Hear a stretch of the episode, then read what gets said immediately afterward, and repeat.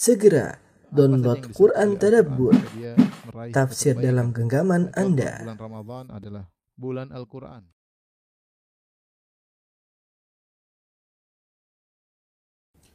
Bismillahirrahmanirrahim. Assalamualaikum warahmatullahi wabarakatuh. Alhamdulillahi ala ihsani wa syukru lahu ala taufiqihi wa amtinani wa asyhadu an la ilaha illallah wahdahu la syarika lahu ta'ziman li sya'nihi wa asyhadu anna Muhammadan abduhu wa rasuluhu da'ila ridwani. Allahumma salli alaihi wa ala alihi wa ashabihi wa ikhwani. Para dokter yang dirahmati oleh Allah Subhanahu wa taala, kita lanjutkan bahasan kita dari Arba'in An-Nawawiyah pada hadis ke-29 tentang Abu Abul Khair, tentang pintu-pintu kebaikan yang mengantarkan kepada surga. Hadis ini diriwayatkan oleh sahabat Muad bin Jabal radhiyallahu anhu. Saya bacakan terlebih dahulu sebelum uh, saya jelaskan kandungan dari hadis ini. An Muad bin Jabal radhiyallahu anhu dari sahabat Muad bin Jabal radhiyallahu anhu qal beliau berkata qultu ya Rasulullah Aku berkata wahai Rasulullah akhbirni bi amalin yudkhilunil jannata wa yubaiduni minan nar. Ya Rasulullah tunjukkanlah kepadaku satu amalan yang memasukkan aku dalam surga dan menjauhkan aku dari neraka. Qala laqad sa'alta an azimin. Sungguh engkau telah bertanya kata Nabi SAW engkau telah bertanya tentang perkara yang besar. Wa innahu la yasirun ala man yasarahu Allah taala alaih. Tetapi perkara itu mudah bagi orang yang dimudahkan oleh Allah Subhanahu wa taala. Ta'budullaha la tusyriku bihi syai'a. Ya kalau ingin masuk surga dijauhi dari neraka, perhatikan amalan-amalan berikut. Ta'budullaha la tusyriku bihi syai'a. Beribadah kepada Allah dan tidak berbuat syirik sama sekali. Wa tuqimus shalah, menegakkan salat, wa tu'tiz zakah, membayar zakat, wa tasumu Ramadan, puasa di bulan Ramadan, wa tahujjul bait dan berhaji. Thumma qal, kemudian Rasulullah SAW berkata, "Ala adulluka ala abwabil khair." Maukah aku tunjukkan kepada engkau atas pintu-pintu kebaikan? Asaumu junnatun, bahwasanya puasa adalah perisai. Wa sadaqatu tudfi'ul khati'ata kama yudfi'ul ma'un nara. Sungguhnya sedekah itu meng, meng, memadamkan dosa-dosa sebagaimana air memadamkan api. Wa salatu rajuli fi jawfil lail. Demikian juga salatnya seseorang di tengah malam juga memadamkan dosa-dosanya. Thumma tala, kemudian Rasulullah SAW membacakan firman Allah, tatajafa junubuhum anil madaji'i yad'una rabbah yad'una rabbahum. Ya ragaban uh, dalam surat as-sajdah ya. Sampai firman Allah Subhanahu wa taala ya'lamun ya'malun. Uh, thumma qala kemudian Rasulullah sallallahu alaihi wasallam bersabda ala ukhbiruka bi ra'sil amri wa amudihi wa dhirwati sanamihi. Maka aku kabarkan kepada engkau tentang uh, uh, kepala dari segala urusan dan juga tiang dari urusan ini itu Islam wa dhirwati sanamihi dan puncak dari Islam. Qultu bala ya Rasulullah, tentu ya Rasulullah. Apakah itu? Qala ra'sul ra'sul amri al-Islam. Pokok dari urusan ini adalah Islam. Wa amuduhu as-salat dan tiang dari urusan ini adalah salat. Wa dhirwatu sanamihi al-jihad dan puncak daripada perkara ini adalah jihad. Thumma qala kemudian Rasulullah SAW berkata, "Ala ukhbiruka bimilak bimilaki dzalika kullih." Maukah aku kabarkan kepada engkau yang pemegang segala perkara ini? Kultu bala. Ya Rasulullah, aku berkata kata Mu'ad, tentu ya Rasulullah. Fa akhadha bi kemudian Rasulullah SAW memegang lisannya wa qala kuffa alayka hada. Rasulullah SAW mengatakan, tahan lisanmu ini. Tahan ini, itu tahan lisan. Kultu ya Nabi Allah, wa inna la mu'akhaduna bima natakallamu bih.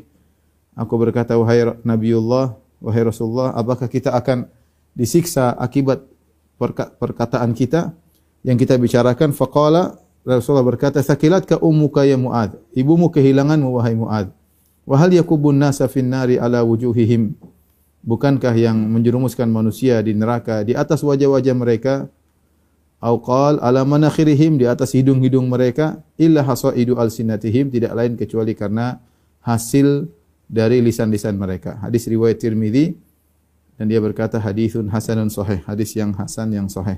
Ini hadis menjelaskan tentang amalan-amalan kebajikan yang banyak yang mengantarkan seorang menuju surga dan menjauhkannya dari neraka jahanam.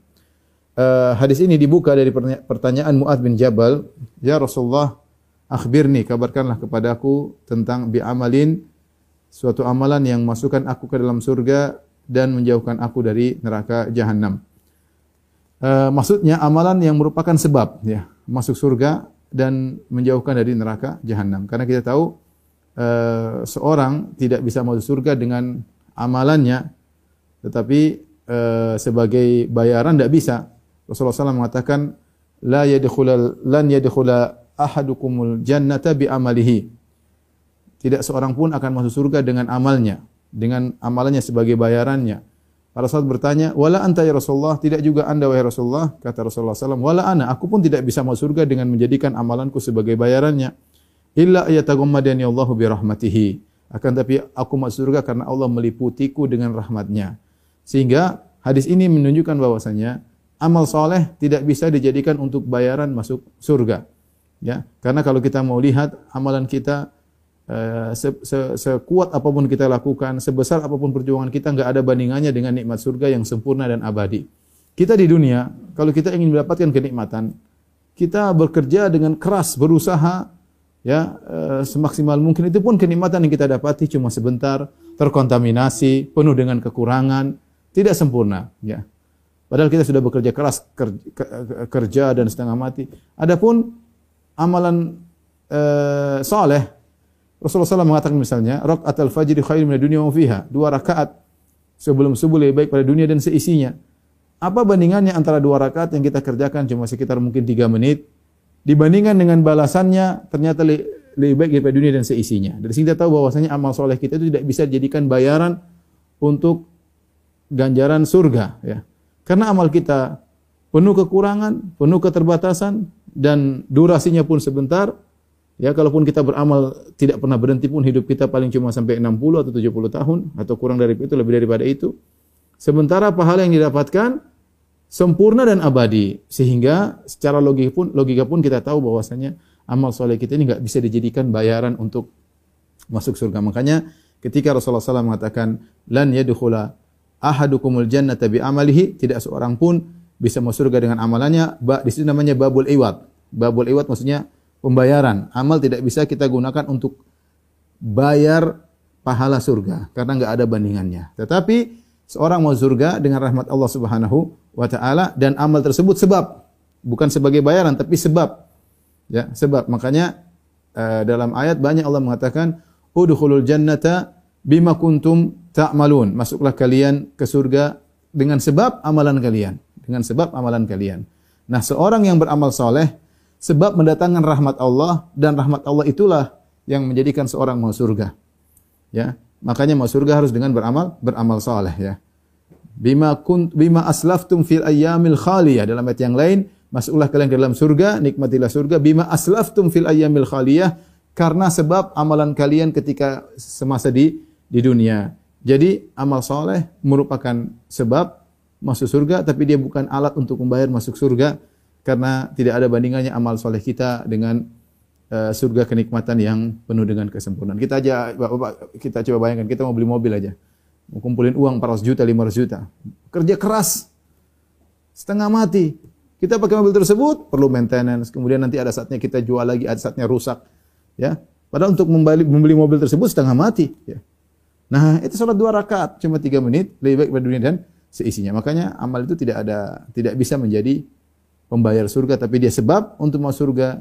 Setiap orang masuk surga dengan rahmat Allah Subhanahu wa taala. Oleh karenanya Ibnu Rajab Al-Hambali mengatakan di antara rahmat Allah Allah menjadikan amal sebab masuk surga. Padahal amal tersebut tidak pantas untuk bayar surga, tapi dia adalah sebab untuk meraih rahmat Allah untuk masuk surga. Dan ini dipahami oleh uh, para sahabat. Mereka tahu untuk masuk surga butuh amal. Kalau tidak beramal tidak masuk surga. Di surga bukan diperoleh dengan tamani, dengan angan-angan, dengan menghayal, tidak usah beramal bisa masuk surga. Enggak. Ada sebab yang harus kamu lakukan. Ada sunnatullah yang berlaku, aturan yang baku yang berlaku. Masuk surga ada amalnya. Masuk neraka ada amalnya. Tinggal pilih. Ya, hadainahu najdain. Kami tunjukkan kepadanya dua jalan. Surga ada jalannya, neraka juga ada jalannya. Nah, mau ke surga ada sebab-sebabnya. Di antaranya eh, beramal soleh. Oleh karenanya Muaz bin Jabal radhiyallahu anhu bertanya kepada Nabi, amal apa yang memudahkan dia masuk surga? Karena dia tahu masuk surga harus dengan amal. Hanya bukan dengan hanya sekedar oh yang penting hatinya baik, yang penting uh, enggak enggak amal itu enggak penting, yang penting hati baik, hati enggak. Harus ada amal. Amal hati, amal jawari, amal anggota tubuh harus dikerjakan karena itu sebab untuk masuk surga. Kalau enggak ada itu enggak bisa masuk surga. Maka ketika Mu'adz bertanya kepada Nabi, Rasulullah SAW mengatakan, "Laqad sa'alta an azimin." Sungguhnya engkau telah minta tentang engkau telah bertanya tentang suatu perkara yang sangat agung. Ya benar, masuk surga dan terbebaskan dari neraka jahanam itu perkara yang agung. Itulah kesuksesan yang sesungguhnya. Kata Nabi kata Allah Subhanahu wa taala, "Faman zuhziha 'anil nar wa udkhilal jannata faqad faz." Wa mal hayatud dunya illa mata'ul ghurur. Barang siapa yang diselamatkan dari neraka jahanam dan dimasukkan dalam surga, maka dialah yang menang. Dialah yang menang, dialah yang faiz, pemenangnya, dialah yang sukses. Wa mal hayatud dunya illa mata'ul ghurur dan tidaklah kehidupan dunia kecuali kesenangan yang uh, menipu. Nah, barang siapa yang di dunia sukses namun di akhirat tidak sukses, maka dia telah binasa ya. Dia telah merugi dengan serugi-ruginya. Qul innal khasirina alladziina khasiru anfusahum ahlim yaumal qiyamah. Orang yang merugi adalah merugi di akhirat. Orang yang sukses adalah sukses di akhirat. Bisa jadi seorang di dunia tidak sukses, dilihat orang mungkin direndahkan, dihinakan, tapi ternyata di akhirat dia sukses. Yang terbaik itu seorang sukses dunia dan akhirat. Tetapi yang menjadi patokan seorang adalah bagaimana dia bisa sukses di akhirat. Masuk surga adalah cita-cita semua orang. Nabi Ibrahim alaihissalam berdoa, "Wa ja'alni mi warathil jannatin na'im." Ya Allah jadikanlah aku pewaris pewaris uh, surga. Rasulullah SAW berdoa, Allah Allah min as'alukal jannah, ya Allah aku mohon surga kepada engkau. Wa minan nar. Aku berlindung dari neraka jahanam. Dan itu permohonan para sahabat. Dan Nabi menyuruh kita, "Idza sa'altumullah fas'aluhul firdaus." Kalau kalian minta kepada Allah, mintalah surga firdaus. Ini perkara besar yang ditanyakan oleh Mu'ad bin Jabal. Agar selamat masuk surga, agar selamat dari neraka dan bisa berhasil masuk surga, maka Allah utus para rasul untuk menjelaskan. Allah turunkan Al-Quran, Allah turunkan kitab-kitab suci untuk menjelaskan akan hal ini. Allah memunculkan para dai untuk mengingatkan hal ini. Jadi yang ditanyakan oleh Muad adalah perkara besar. Cita-cita kita semua, bukan cita-cita aja, cita-cita para para nabi. Para nabi, ya. Maka Allah Nabi mengatakan wa innahu la yasirun ala man yasarahullah dan perkara ini mudah. Masuk surga selama di neraka itu mudah bagi orang yang dimudahkan oleh Allah Subhanahu wa taala. Ini menunjukkan bahwasanya perkara masuk surga taufik dari Allah, hidayah dari Allah Subhanahu wa taala. Kalau orang Allah Allah sudah kasih hidayah kepada seorang mudah bagi dia untuk melakukan amalan-amalan soleh, tidak berat sama sekali. Dia sholat malam mudah, dia bersedekah sampai juta-juta, miliar-miliar mudah bagi dia, ringan bagi dia. Dia tidak tidak berat. Uh, dia melangkahkan kaki ke masjid mudah, ya. Uh, dia berbakti kepada orang tua mudah, dia ambil Al-Quran baca dengan mudahnya. Ya, tatkala dimudahkan oleh Allah semuanya mudah. Makanya di antara doa Nabi SAW, wahdini wa yassiril hudali. Kata Nabi, ya Allah berilah petunjuk kepadaku, wahdini, berilah petunjuk kepadaku, wa yassiril hudali dan mudahkanlah uh, petunjuk bagiku. Rasulullah SAW minta minta kemudahan agar dimudahkan hidayah dari Allah Subhanahu uh, wa taala. Maka seorang berusaha untuk meminta hidayah, Allah minasalukal huda wa tuqa, ya Allah kami mohon kepada Engkau hidayah. Karena kalau sudah dapat hidayah, mudah kita melakukan amalan-amalan uh, kebajikan. Ya. Dulu waktu kita belum mengenal mengenal hidayah, kita lihat orang kok bisa dia begitu ya. Kok kita lihatnya kayaknya sulit. Tetapi ketika Allah mudahkan kita, ternyata bisa. Ternyata bisa. Melihat orang dulu, Masya Allah dia bisa sedekah sekian banyak. Kok aneh ya, luar biasa dia.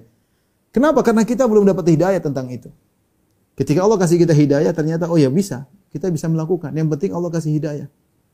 Kalau sudah beda kasih hidayah, makanya banyak-banyak minta hidayah kepada Allah Subhanahu wa taala. Wahdini wa yassiril huda li. Ya Allah berilah uh, petunjuk kepadaku dan mudahkanlah petunjuk untukku. Tapi bagi orang yang tidak dapat hidayah sulit. Suruh berbakti sama orang tua berat, suruh sholat malam setengah mampu, setengah mati, pergi ke masjid kakinya sangat berat, ya semuanya terasa berat bagi dia. Baca Quran berat, ya satu lembar sudah tiba-tiba ngantuk, ya kalau baca medsos maca Allah berjam-jam kuat, Ya, belum dapat hidayah. Maka Nabi mengatakan, apa yang harus dilakukan agar mudah masuk surga? Ta'budullaha la tusyriku bihi syai'a. Engkau beribadah kepada Allah dan kau tidak berbuat syirik sama sekali. Ini paling pertama. Ini adalah asal landasan dari segala amal soleh. Beribadah kepada Allah semata dan tidak berbuat syirik. Maka ikhwan dan akhwat yang dirahmati Allah Subhanahu wa taala, sebisa mungkin kita meninggalkan segala bentuk kesyirikan, syirik besar maupun syirik kecil. Kenalilah syirik kecil dengan segala bentuknya dan tinggalkanlah. Kenalilah syirik besar dengan segala bentuknya dan tinggalkanlah. Ya, buku yang paling afdal dalam hal ini adalah buku dikarang oleh Syekh Muhammad bin Abdul Wahab rahimahullahu taala yang berjudul Kitabut Tauhid. Di mana buku ini menjelaskan tentang syirik secara detail. Menjelaskan tauhid dan syirik secara detail ya. Karena betapa banyak orang mengatakan saya tidak mau syirik tapi dia tidak tahu jenis-jenis kesyirikan. Bagaimana dia mau menghindar sesuatu yang dia tidak pahami. Kalau Anda ingin menghindar segala kesyirikan, kenalilah bentuk-bentuk kesyirikan tersebut. Apa kata seorang penyair? Araftu syarra la li syarri, walakin li tawaqqihi. Man lam ya'rifi syarra minal khairi yaqa' fihi. Aku mengenal keburukan bukan untuk melakukannya, tapi aku mengenal keburukan untuk menjauhinya. Barang siapa yang tidak mengenal keburukan, hanya kenal kebaikan, tidak kenal keburukan, dia akan terjerumus dalam keburukan tersebut. Makanya di antara manhaj yang benar, manhaj Al-Quran, manhaj Nabi SAW, ketika Allah menjelaskan kebaikan, Allah juga menjelaskan keburukan. Ya, Allah menjelaskan keburukan. Ya. Kadzalika nufassilul ayati walitastabina sabilul mujrimin. Kata Allah walitastabina sabilul mujrimin agar jelas jalan orang-orang yang tersesat. Allah jelaskan agar kita tidak mengikutinya. Oleh karenanya, kalau ingin bisa beribadah kepada Allah tanpa berbuat syirik sama sekali, belajar apa itu tauhid, apa itu macam-macam kesyirikan dengan detail. Semakin detail kita semakin mudah menghindari kesyirikan dengan berbagai macam modelnya. Tapi setelah itu Nabi berkata wa tuqimus shalah, dirikanlah salat. Wa tu'ti zakat, tunaikan zakat ya. Wa tasumu Ramadan, puasa di bulan Ramadan wa tahujjul bait dan berhaji. Nabi menyebutkan rukun Islam rukun Islam, syahadatain, salat, zakat, puasa dan haji. Ini yang paling utama kalau orang ingin masuk surga, dia perbaiki bangunan lima pondasi ini, disebut rukun Islam. Sebagaimana pernah kita bahas pada uh, Arba'in Nawawiyah kalau tidak salah hadis kedua atau hadis ketiga di mana Rasulullah SAW mengatakan bunyal Islam ala khams bahwasanya Islam itu bangunnya dibangun di atas lima pondasi. Itu lima rukun Islam. Nah, seorang berusaha bertemu dengan Allah dengan membawa bangunan Islamnya yang kokoh. Ya. Caranya bagaimana? Dia kuatkan pondasinya sehingga pondasi rumahnya kuat. Kalau pondasi rumahnya kuat untuk dihiasi lebih mudah. Bagaimana menghiasi bangunan Islamnya dengan beramal dengan beramal amalan-amalan sunnah. Tetapi yang pertama paling penting adalah pondasi rumah Islamnya, ya, pondasi Islamnya dengan menjalankan rukun Islam dengan uh, sebaik-baiknya. Perhatian tentang syahadatain, kemudian serius ketika sholat lima waktu, bayar zakat perhatian, ya benar-benar dia perhatikan, puasa Ramadan dia perhatikan dan dia berhaji. Kalau dia sudah menjalankan lima perkara ini, tinggal dia perindah rumahnya ya, dengan perkara-perkara sunnah. Makanya setelah Rasulullah menyebutkan uh, rukun Islam, Rasulullah SAW kemudian berkata, Ala adulluka ala abwabil khairi, maukah aku tunjukkan kepada engkau tentang pintu-pintu kebaikan. Itu pintu-pintu kebaikan yang dibuka akan mengantarkan kepada kepada surga. Ini yang lebih lebih sempurna uh, setelah menjalankan lima wa, lima uh, rukun Islam dengan baik, lima rukun Islam dengan dengan baik. Rasulullah SAW berkata, "As-saumu junnatun." Puasa adalah perisai. Di antara pintu-pintu kebaikan adalah puasa, pintu puasa. Pintu masuk surga. As-saumu junnah. Para ulama sebenarnya mengatakan inilah puasa sunnah. Ya, puasa Ramadan sudah jelas. Ya, Rasulullah tekankan tentang puasa sunnah. Puasa adalah junnah. Junnah artinya perisai. Perisai fungsinya apa? Adalah melindungi seorang dari keburukan. As-saumu junnah. Dan puasa ini dia menghalangi seorang dari keburukan di dunia dan di akhirat. Kalau di akhirat jelas menghalangi seorang dari neraka jahanam. Seorang yang sering berpuasa akan menghalangi dari neraka jahanam. Dan di dunia orang yang sering berpuasa sunnah akan mudah terhalangi dari maksiat. Kalau ada seorang sulit meninggalkan maksiat, di antara salah satunya adalah dengan banyak berpuasa sunnah. Ya, banyak karena Rasulullah mengatakan as-saumu junnah, puasa adalah perisai menghalangi dari maksiat.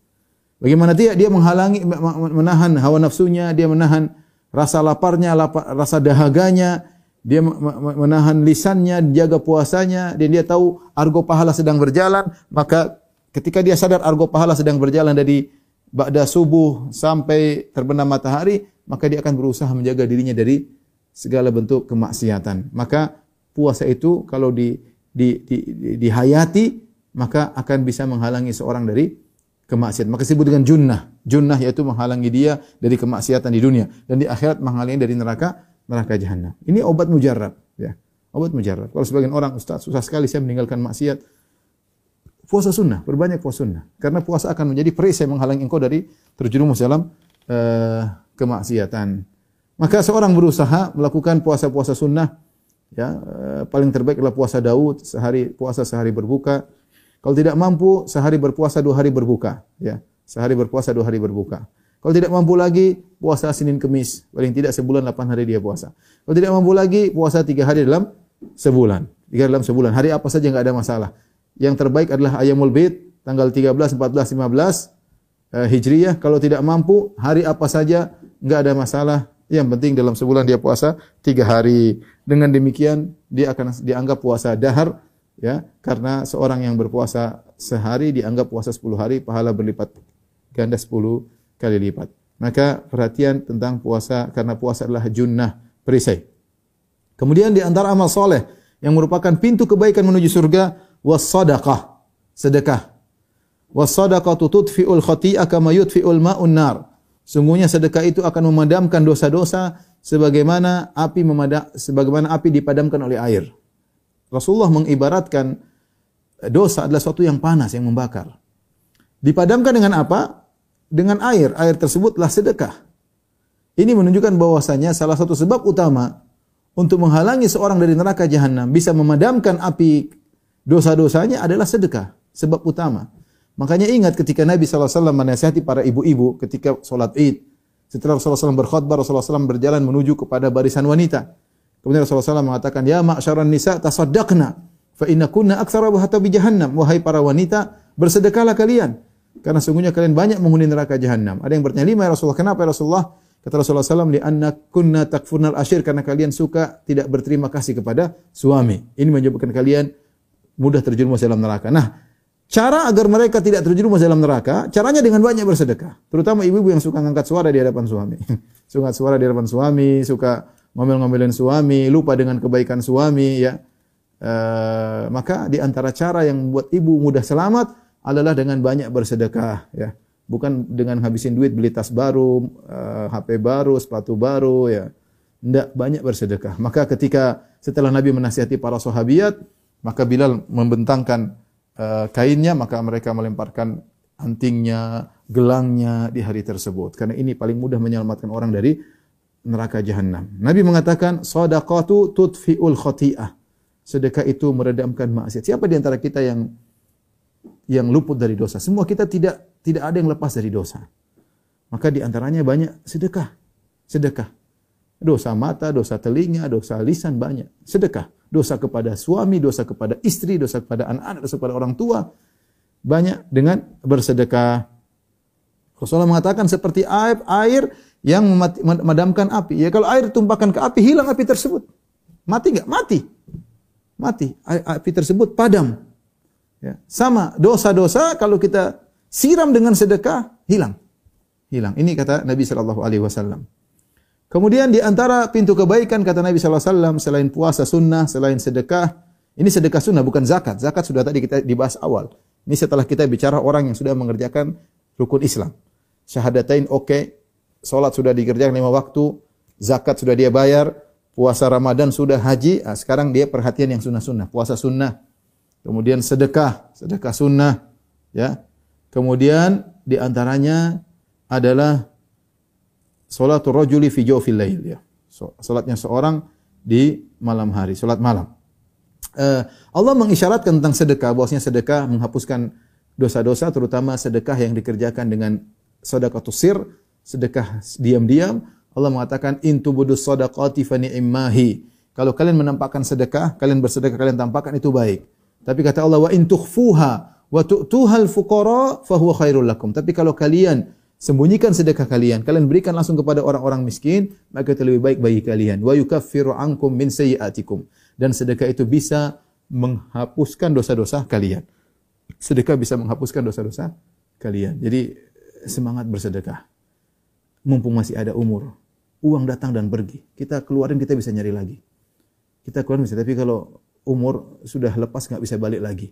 Ya, nggak bisa balik lagi. Maka duit datang dan pergi. Yakin, ikhwan dan akhwat, duit datang pergi.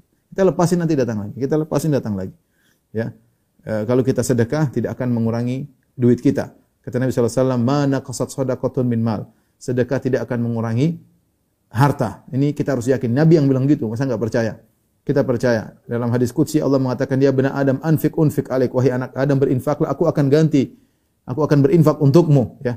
Jangan khawatir. Ini perlu keimanan uh, dan perlu latihan. Perlu latihan. Rasa pelit itu harus dilawan dengan latihan uh, bersedekah. Tapi di antara yang bisa menghapuskan dosa-dosa salat malam. Kata Nabi kata kata Nabi sallallahu alaihi wasallam, "Salatul rajuli uh, fi jawfil lail."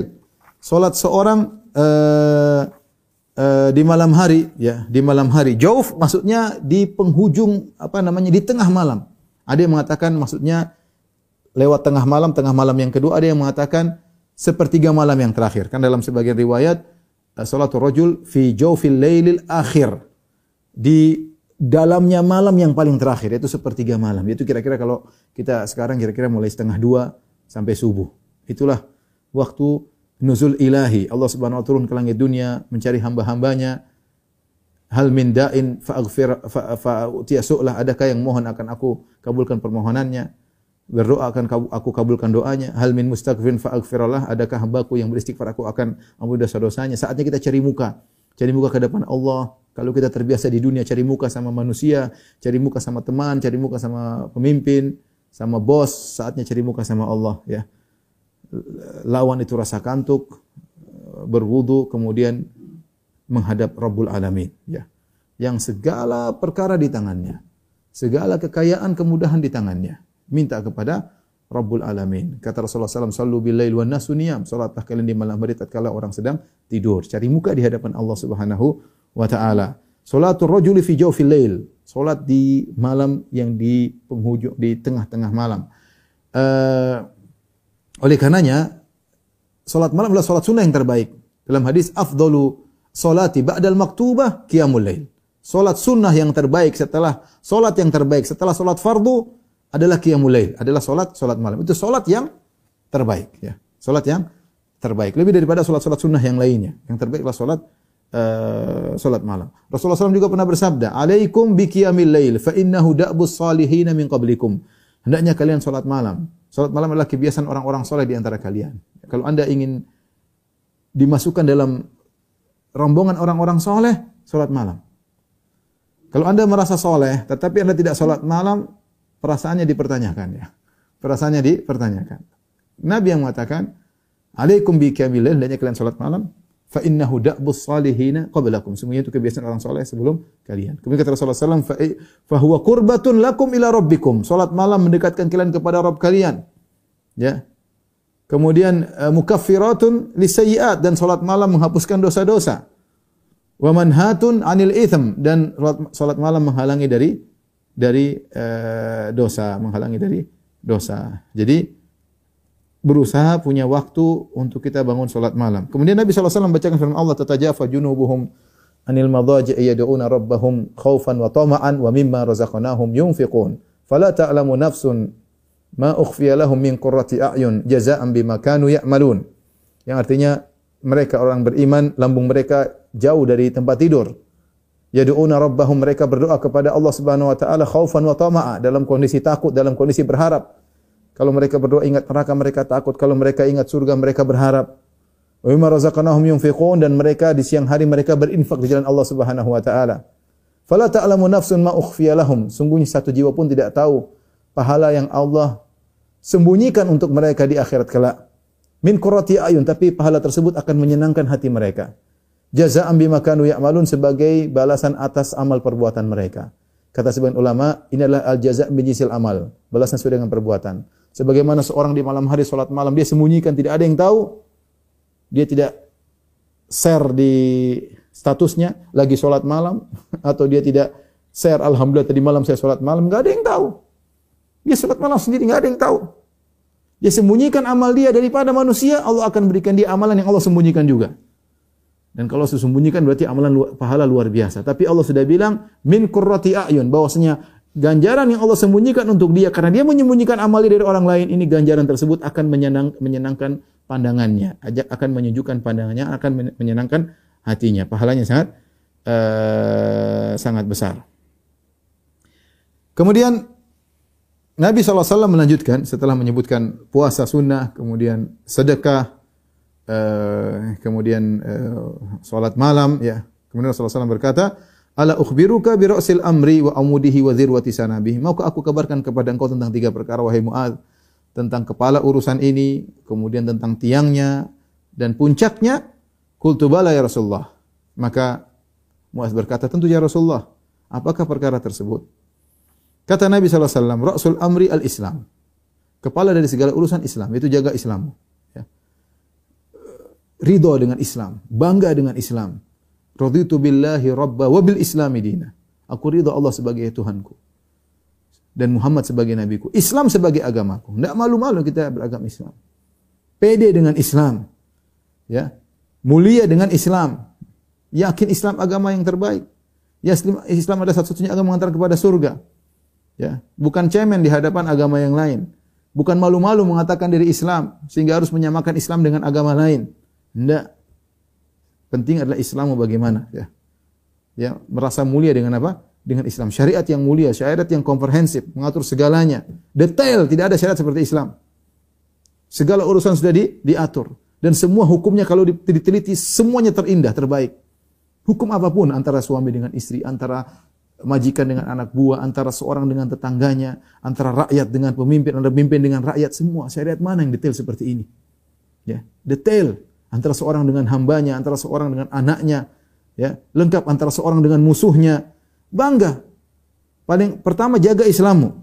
Wala tamutunna illa antum muslimun. Ya, jangan kau meninggal kecuali dalam keadaan Islam. Jangan ragu-ragu dengan Islam. Di antara bentuk keraguan terhadap Islam, jangan-jangan agama lain sama dengan Islam. Jangan-jangan agama lain juga bisa mengantarkan kepada surga, bukan cuma Islam. Tidak, kita bilang hanya Islam. Inna dina indallahil Islam. Yang Allah ridho cuma apa? Islam. Wa may yabtaghi ghairal islami dinan fala yuqbal min. Siapa yang mencari agama selain Islam tidak akan diterima. Nabi SAW mengatakan, La yasma'u bi ahadun min hadhil ummah yahudin wala nasraniyun. Thumma yamutu wa la yu'minu billadhi ursiltu bihi illa kana min ahlin nar. Tidak seorang pun dari umat ini mendengar tentang aku. Yahudi maupun Nasrani sudah dengar tentang aku. Dia tidak beriman. Dia mati dalam kondisi tidak beriman kepada yang aku bawa kecuali penghuni neraka jahanam. Jaga Islam. Rasul amri al-Islam. Segala urusan Islam. Wa amuduhu salat. Dan di antara hal untuk menjaga Islam adalah dengan dengan salat karena tiang daripada Islam adalah salat. Kita kalau ada kemah di tengah ada tiang. Kalau tiangnya kita lepas, kemahnya jatuh. Itu namanya amud, tiang. Sehingga para ulama khilaf bagaimana hukum orang meninggalkan salat, tidak mau salat. Maka ini maksudnya meninggalkan salat, dia yakin salat wajib cuma dia malas. Kalau meninggalkan salat merasa salat tidak wajib lagi karena dia sudah sampai hakikat, maka ini kafir jelas. Sebenarnya orang saya tidak perlu sholat lagi. Kenapa saya sudah mencapai derajat hakikat? Ini orang ini bukan orang Islam. Berarti dia ingin keluar dari agama Muhammad. Rasulullah SAW aja sampai pingsan-pingsan tanpa sholat. Kemudian dia mengatakan saya tidak perlu, saya sudah mencapai hakikat. Nah, Muhammad sampai hakikat enggak? Abu Bakar, Umar sampai hakikat enggak? Mereka sudah sampai hakikat dan mereka tetap sholat. Kamu sampai hakikat tidak mau sholat. Atau kamu sampai hakikat, Muhammad tidak sampai hakikat. Bisa jadi. Ya. Rasulullah SAW, Abu Bakar, Umar, para sahabat, mereka sudah sampai di penghujung hakikat, benar-benar mengenal Allah Subhanahu wa taala dan mereka tetap apa? Salat. Kalau orang meninggalkan salat karena merasa salat tidak wajib maka ini kafir. Yang jadi khilaf di kalangan para ulama bagaimana kalau dia meninggalkan salat dia merasa salat wajib cuma dia malas. Maka ada perincian, ada yang mengatakan tidak sampai kafir dan ini madhab Syafi'i misalnya ya dosa besar tapi tidak sampai kafir dan madhab Ahmad Ahmad bin Hambal bahwasanya kafir. Itu ada perincian lagi meninggalkan sekali atau berapa kali baru kafir. Pendapat yang dirojikan oleh Syekh Utsaimin rahimahullahu taala kalau seorang sudah tidak salat sama sekali, tidak salat lima waktu, tidak salat Jumat, tidak salat Idul Fitri, tidak salat Idul Adha, maka ini kafir. Maka ini kafir ya karena hadis-hadis banyak menunjukkan akan hal tersebut. Al ahdu bai alladhi baina wa bainahum salat faman taraka faqad kafar. Yang menjadi uh, apa namanya perjanjian antara kami dengan mereka adalah salat. Orang munafik maksudnya. Barang siapa yang meninggalkan salat maka telah telah kafir. Man tarakaha faqad kafar. Ya. Barang siapa meninggalkan salat maka telah telah kafir. Maksudnya meninggalkan salat secara uh, mutlak maka sungguh dia bukan orang orang Islam. Apalagi Nabi mengatakan amuduhu. Tiang agama adalah salat. Kalau tiang jatuh, agama jatuh. Wa dhirwatu sanamihil jihad dan puncak daripada Islam adalah jihad. Sanam maksudnya punuk unta. Sanam adalah punuk unta. Zirwah itu ujung daripada sanam. Ujung dari punuk unta. Maka Rasulullah mengibaratkan jihad dengan punuk onta. Punuk onta kan dari punggung yang paling tinggi adalah punuknya. Artinya apa? Jihad adalah ibadah yang berat. Bagaimana seorang mengorbankan jiwa, raga dan hartanya. Seorang paling cinta dengan jiwanya. Seorang rela berkorban bayar uang sebanyak-banyak yang penting dia sehat. Kalau ada duit dia operasi bayar berapapun dia penting dia sehat karena dia tahu nyawanya mahal. Tetapi kemudian dia jual nyawanya kepada Allah Subhanahu wa taala. Kalau ada seruan jihad yang syar'i, maka seorang hendaknya menyambutnya, ya. Ini perlu perjuangan, ya, perlu keyakinan. Ini sangat berat. Makanya dikatakan oleh Nabi lah puncak daripada keislaman, puncak daripada bukan jihad-jihad yang tidak syar'i, bukan jihad bukan jihad-jihadatan, bukan ngomong sana ngomong sini enggak karu-karuan ya. Hanya mencemarkan Islam tidak, maksudnya jihad yang yang syar'i. Kalau jihad tersebut syar'i benar-benar disyariatkan maka ini adalah puncak daripada uh, Islam sehingga Nabi menyamakan seperti puncak daripada punuk punuk onta. Setelah Rasulullah menyebutkan berbagai macam ibadah, ya. mulai dari uh, awal tadi puasa, kemudian sedekah, uh, kemudian sholat malam, kemudian sholat, ya, Islam, kemudian jihad. Rasulullah tutup dengan berkata, "Ala ukhbiruka bimilaki dzalika kulli?"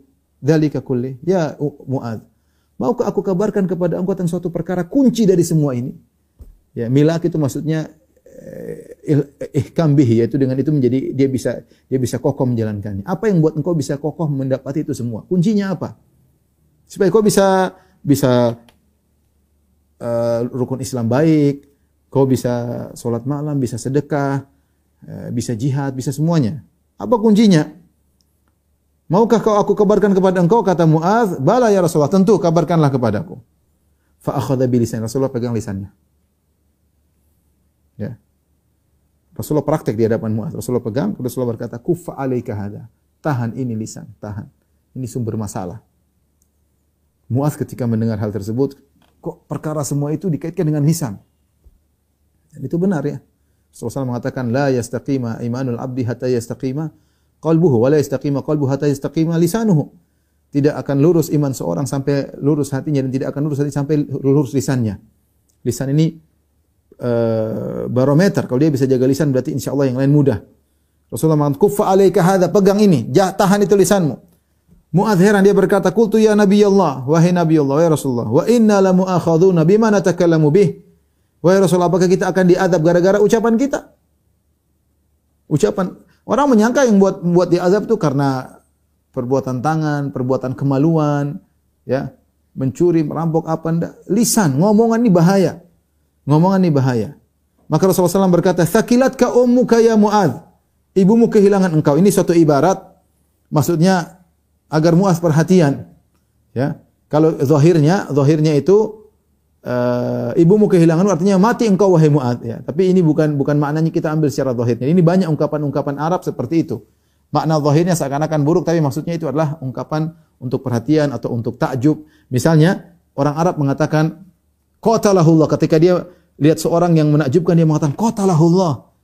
Artinya semoga Allah memerangi engkau padahal maksudnya luar biasa kamu. Tapi dia ungkapinya orang Arab qatalahullah. Seperti kita lihat orang hebat, oh gila itu orang. Bukan berarti kita bilang dia gila, tapi itu ungkapan bahwasanya ini orang hebat.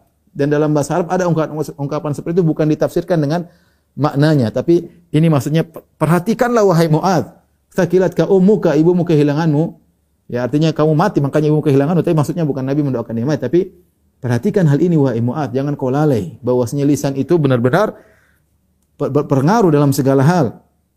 Karena Mu'ad bertanya, "A inna lamu akhadhuna bima natakallamu bih?" Apa kita akan disiksa gara-gara lisan? Maka Rasulullah berkata, "Wa hal yakubun nas finnari ala wujuhim." Tidakkah perkara yang membuat orang terjerumus di atas wajah-wajah mereka di neraka? Digeret di atas wajah-wajah mereka. Au ala manakhirihim atau digeret di hidung-hidung mereka. Illa hasaidu alsinatihim kecuali akibat panen daripada lisan mereka. Hasaid maksudnya panen. Kita di dunia ini kita menanam dengan lisan, menanam kebaikan, menanam keburukan, nanti panennya di akhirat. Panennya di uh, di akhirat. Dan di sini Rasulullah menyebutkan tentang wajah karena pada hari hari kiamat kelak wajah ini pusat pusat siksaan. Ya, orang-orang kafir berjalan dengan wajahnya. Afama yamshi mukibban ala wajih. Apakah orang yang berjalan terbalik di atas wajahnya? Orang kafir di atas wajahnya. Tadi kita uh, apa orang disiksa digeret di atas wajahnya. Api neraka dihantamkan di wajah mereka. Ya. Talfahu jahu wujuhahumun nar wa hum fiha kalihun. Wajah mereka dihantam oleh api ya. Ya, kalau dipanggang di sate, wajahnya di sate di luar. Gampangannya Jadi memang wajah ini yang merupakan eh, areal yang sangat sensitif dan dia juga sangat mulia di dunia, maka itu bahan kehinaan di akhirat untuk jadi uh, tempat siksaan. Makanya digeret-digeret di wajah, digeret di di hidung. Nabi mengatakan yang membuat orang-orang digeret di neraka jahanam di atas hidung mereka, di atas wajah mereka tidak lain karena lisan mereka. Ini perkara yang berbahaya terutama di zaman sekarang. Lisan, orang-orang asal ngomong, asal nulis, asal komentar, ya hukum tulisan sama dengan hukum lisan. Kita harus ekstra hati-hati di zaman sekarang, zaman apa namanya zaman keterbukaan. Seorang bebas berucap, seorang bebas berkata, seorang bebas komentar dan yang menakjubkan yang paling mudah dikomentar adalah masalah agama. Kalau masalah dunia tidak semua orang komentar, orang takut ngomong. Seorang orang jalanan mau ngomong masalah fisika kimia dia tahu diri, dia tidak mungkin ngomong. Tapi kalau bicara agama dia berani ngomong. Dia berani ngomong, ya. Ya. Makanya sering bilang, kalau misalnya ada orang dokter mau operasi, kemudian saya misalnya, saya Firanda, sudah belajar di Madinah sampai gelar dokter. Kemudian saya masuk ruang operasi, saya bilang, dok, saya mau ikut operasi, boleh nggak? Dokternya bilang, eh, Ustadz ngawur, ini bukan bidang Ustadz. Ustadz, saya ngerti saya bisa ikut operasi, ya nggak bisa. Nggak bisa. Pasti dokternya pasti marah ya. Karena meskipun saya mungkin dokter dalam bidang agama, tidak ada kaitannya dengan masalah operasi. Tetapi kalau orang lain bidang lain ngomong agama berani semua. semua mau dia fisikawan, mau dia biologi, mau dia kedokteran, mau dia medis, mau dia tukang kayu, mau dia tukang becak, mau dia semua ngomong agama berani. Ini perkara yang seorang harus lebih waspada. Padahal ngomongin tentang kesehatan orang masih lebih ringan dibandingkan ngomong tentang agama Allah. Betapa sering dalam Al-Quran Allah mengatakan tentang dosa besar wa antakulu ala Allahi ma la. Kau berbicara tentang Allah yang kau tidak punya ilmu tentangnya. Seorang yang berfatwa yang ngomong tentang agama dia seakan-akan al-muwaqqi'an rabbil alamin. Dia seakan tanda tangan atas nama Allah Subhanahu wa taala. Seorang waspada. Seorang waspada. Oleh karenanya Rasulullah SAW mengabarkan tentang inna rajula la yatakallamu bil kalimah la yulqi laha balan yahwi biha fi nari jahannam sab'ina kharifan. Sungguh seorang mengucapkan satu kalimat ya, yang membuat kemurkaan Allah. La yulqi laha balan. Dia tidak peduli asal ngomong aja. Dia tidak peduli. Maka akhirnya Allah membuat dia masuk dalam neraka jahanam. Gara-gara omongan. Betapa banyak orang masuk neraka gara ini Nabi yang bilang, "Wahal yakubun nas." Akan-akan sebab utama orang masuk neraka gara-gara omongan. Makanya ketika Muaz bertanya, "A inna la mu'akhadzuna min tatakallam bih?" Ya Rasul, ya Rasul, apa kita akan diadab gara-gara lisan kita? Nabi Muaz, bukankah orang-orang terjerumus dalam neraka gara-gara lisan? Wahai Muaz, lisan ini berbahaya, lisan tulisan, komentar, status. Ini semua adalah ungkapan dari dari lisan. Maka seorang hendaknya waspada uh, apa namanya Abu Bakar radhiyallahu anhu pernah pegang lisannya. Kemudian Umar masuk Umar berkata, "Mah, apa ini Abu Bakar? Kenapa pegang lisanmu?" Abu Bakar radhiyallahu anhu yang manusia terbaik setelah Nabi Muhammad sallallahu alaihi wasallam. Dia pegang lisan dia berkata, "Hadzal ladzi awradanil mawarid." Ini yang buat saya terjerumus dalam banyak kesalahan. Benar kata Nabi SAW sudah disampaikan, "Man kana yu'minu billahi wal yawmil akhir falyakul khairan aw liyasmut." Yang beriman kepada hari akhir Allah dan hari akhirat ngomong baik atau diam. Ya. Kata Ibnu Abbas radhiyallahu anhu, uh, kul khairan aw uskut. Ya. Ansyar, ya. Ucapkan yang baik. Kalau enggak ada keburukan dan kau diam. Wa illa satandam. Kalau kau tidak begitu kau akan menyesal pada hari kiamat. Ucapan-ucapan ini, tulisan-tulisan, komentar-komentar akan mendatangkan banyak penyesalan pada hari hari kiamat kelak. Oleh karenanya ini menunjukkan bahwasanya seorang kalau dia mengontrol lisannya eh, tidak asal ceplos-ceplos, biasanya akan nampak pada kepribadian dia. Orang yang suka ceplos-ceplos, asal ngomong, asal jawab, asal komentar, biasanya kepribadiannya kelihatan. Kemudian kelihatan ya. Amalannya, amalan hatinya, ibadahnya ya akan kelihatan. Tapi kalau dia waspada dengan lisannya, dengan tulisannya, insya Allah akan uh, sebagai indikasi, indikator yang kuat bahwasanya dia perhatian terhadap uh, ibadah yang dia uh, lakukan. Ini uh, para dokter rahmati Allah Subhanahu wa taala, hadis yang cukup panjang tadi yang menganjurkan kepada kita mengingatkan kepada kita bahwasanya mau surga itu harus ada amal soleh. Bukan dengan tamanni, bukan dengan angan-angan, bukan dengan mimpi ya. Harus ada praktek dan semuanya perlu perjuangan. Nabi SAW mengatakan hufatil jannatu bil makarih. Sungguhnya surga ditutupi dengan perkara yang dibenci. Siapa yang mudah sholat malam. Sholat malam lagi enak-enaknya tidur bangun. Alarm bunyi. Kemudian pergi ke toilet sambil miring-miring saking ngantuknya. Kemudian cuci muka, kemudian sholat malam. Cari muka di depan Allah. Berat. Siapa yang mau sedekah? Lagi orang susah. Kita lagi pingin ini, pingin beli ini, pingin beli. Ada yang keluarga minta. Waduh, siapa yang tidak cinta sama harta? Cari setengah mati. Harus lawan hawa nafsu kasih. Puasa. Aduh, lagi puasa makan enak. Waduh, sabar. Akhirnya kita mendahulukan kecintaan kepada Allah Subhanahu wa taala. Semuanya perlu perjuangan ya. Ya, dan bersusah-susah dahulu ya bersenang-senang kemudian ya, ya bahkan seorang uh, logis ada aturan dalam dalam Islam ada sunnatullah ingin masuk surga harus ada amal soleh. Amal soleh butuh perjuangan. Wallahu alam biswab semoga Allah Subhanahu wa taala memberikan hidayah kepada kita. Kita berdoa Allahumma inna nas'alukal huda Allahumma hdina wa yasiril huda lana. Ya Allah berilah petunjuk kepada kami dan mudahkan hidayah kepada kepada kami mungkin sampai di sini uh, uh, dok yang saya sampaikan Uh, kurang lebih saya mohon maaf. Insya Allah kita berjumpa kembali dalam kesempatan lainnya. Uh, wabillahi taufiq wal hidayah. Assalamualaikum warahmatullahi wabarakatuh.